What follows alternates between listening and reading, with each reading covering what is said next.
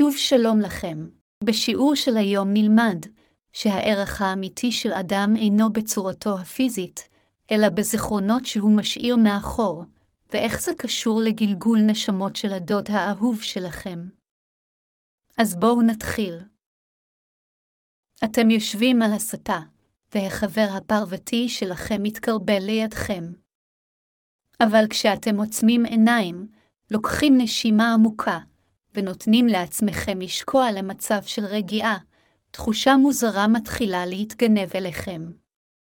פתאום הכלב שלכם מרים את הראש, נותן בכם מבט, ואומר, אחיין אהוב שלי, בבקשה, אני צריך את עזרתך. אתם מביטים בו בהלם, ואז זה מכה בכם. הכלב שלכם, בין הלוויה האהוב והפרוותי שתמיד היה לצדכם, הוא גלגול נשמות של דודכם היקר שתמיד הרצתם, שנפטר לפני שנים רבות בגיל 89. בעודכם מנסים לתפוס את המציאות החדשה, הוא מדבר שוב. אחיין שלי, אתה חייב לעזור לי. שכחתי לבטל את המנוי לכבלים לפני שנפטרתי, ועכשיו אני חושש שימשיכו לגבות ממני כסף, והחשבון שלי יעוקל. אני צריך שתבצע טקס כדי להחזיר אותי לחיים, כדי שאוכל לטפל בזה. אתם מרגישים תחושת בלבול וחוסר אונים. דוד שלכם רואה את זה וממשיך. עזור לי לחזור לחיים, ואני מבטיח שאמשיך להיות בן הלוויה הנאמן שלך. אני עדיין אתן לך ללטף אותי ולזרוק לי כדור, ואפילו אלך להביא לך בירה מהמקרר. אבל אתה חייב לעזור לי לחזור לדמותי האנושית. אתם מסכימים ומתחילים לחקור דרכים להחזיר אותו לחיים, אתם מתחילים להתעמק בידע האסור ולעשות עסקאות עם ישויות אפלות. בסופו של דבר אתם מבצעים את הטקס על הצד הטוב ביותר, והרוח של הדוד שלכם מסוגלת לבסוף שוב ללבוש צורה אנושית. פתאום, עומד מולכם הדוד היקר שלכם, בדיוק כמו שזכרתם אותו. אורו תלוי מעצמותיו כסדינים רופפים ומרופטים.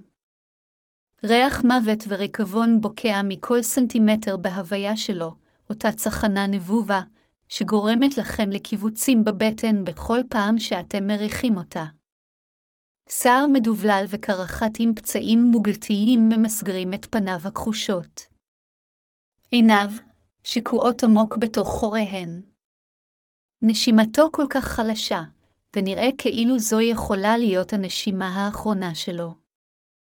אתם לא יכולים שלא לחוש תחושת אי נחת בנוכחותו, כאילו המוות עצמו ניצב מולכם, מתגרה בכם בתזכורת להיותכם בני תמותה. הוא מחייך אליכם, ונראה שהוא מושיט יד לשלום, אבל להפתעתכם, הוא מיד צונח על ארבע ומתחיל לנבוח בשמחה. הוא לא שכח את ההבטחה שנתן לכם ונשאר בן לוויה נאמן. הוא ממשיך להפתיע אתכם בתעלולים שלו, וגיליתם במהרה שיש לו כישרון להצחיק אתכם. למרות גילו המופלג ופריצת הדיסק שהוא סובל ממנה, הוא רודף במעגלים אחרי הזנב שכבר אין לו, מנסה לתפוס אותו, ולעיתים קרובות מסתחרר ונופל. הוא ממשיך לגנוב את הגרביים שלכם ולהחביא אותם במקומות הכי לא צפויים בבית. הוא עדיין מנסה להגניב אוכל מדלפק המטבח, ואתם צריכים לפקוח עליו עין כדי לוודא שהוא לא דוחף את הראש לפח הזבל ולוקח משם משהו. כשאתם יורדים איתו לסיבוב, הוא מסמן כל פינת רחוב כטריטוריה שלו, ולפעמים אפילו תואם טריטוריה של כלב אחר. זה אמנם נראה קצת מוזר לעוברים ושבים, אבל כשאתם מסבירים להם את המצב, הם מחייכים בהנאה. הוא נצמד לרגל שלכם ומפמפם אותה ברגעים הכי לא מתאימים. הוא מלקק את מבושיו ומרחרח את הישבנים של חברים שלכם שהגיעו לביקור. הוא ממשיך להתחנן לפינוקים בכל פעם שהוא שומע את המילה עוגיה, כל שכן כשהוא רואה שאתם אוכלים, והוא פשוט יושב ומסתכל עליכם בעיניים מתחננות, עד שתזרקו לו משהו.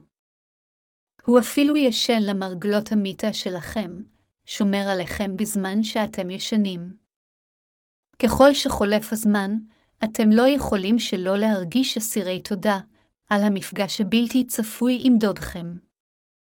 הוא עדיין אותו דוד יקר שתמיד הכרתם, רק על ארבע. אתם פוקחים את העיניים עם תחושת סיפוק גדולה.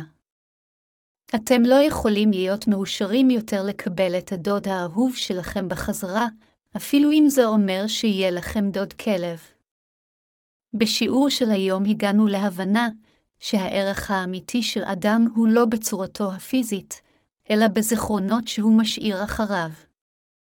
אולי איבדנו את הדוד שלנו, אבל הרווחנו דוד כלב שלימד אותנו שאפילו המוות הוא לא הסוף, ושלפעמים הדברים הכי לא צפויים יכולים להביא לנו את השמחות הכי גדולות.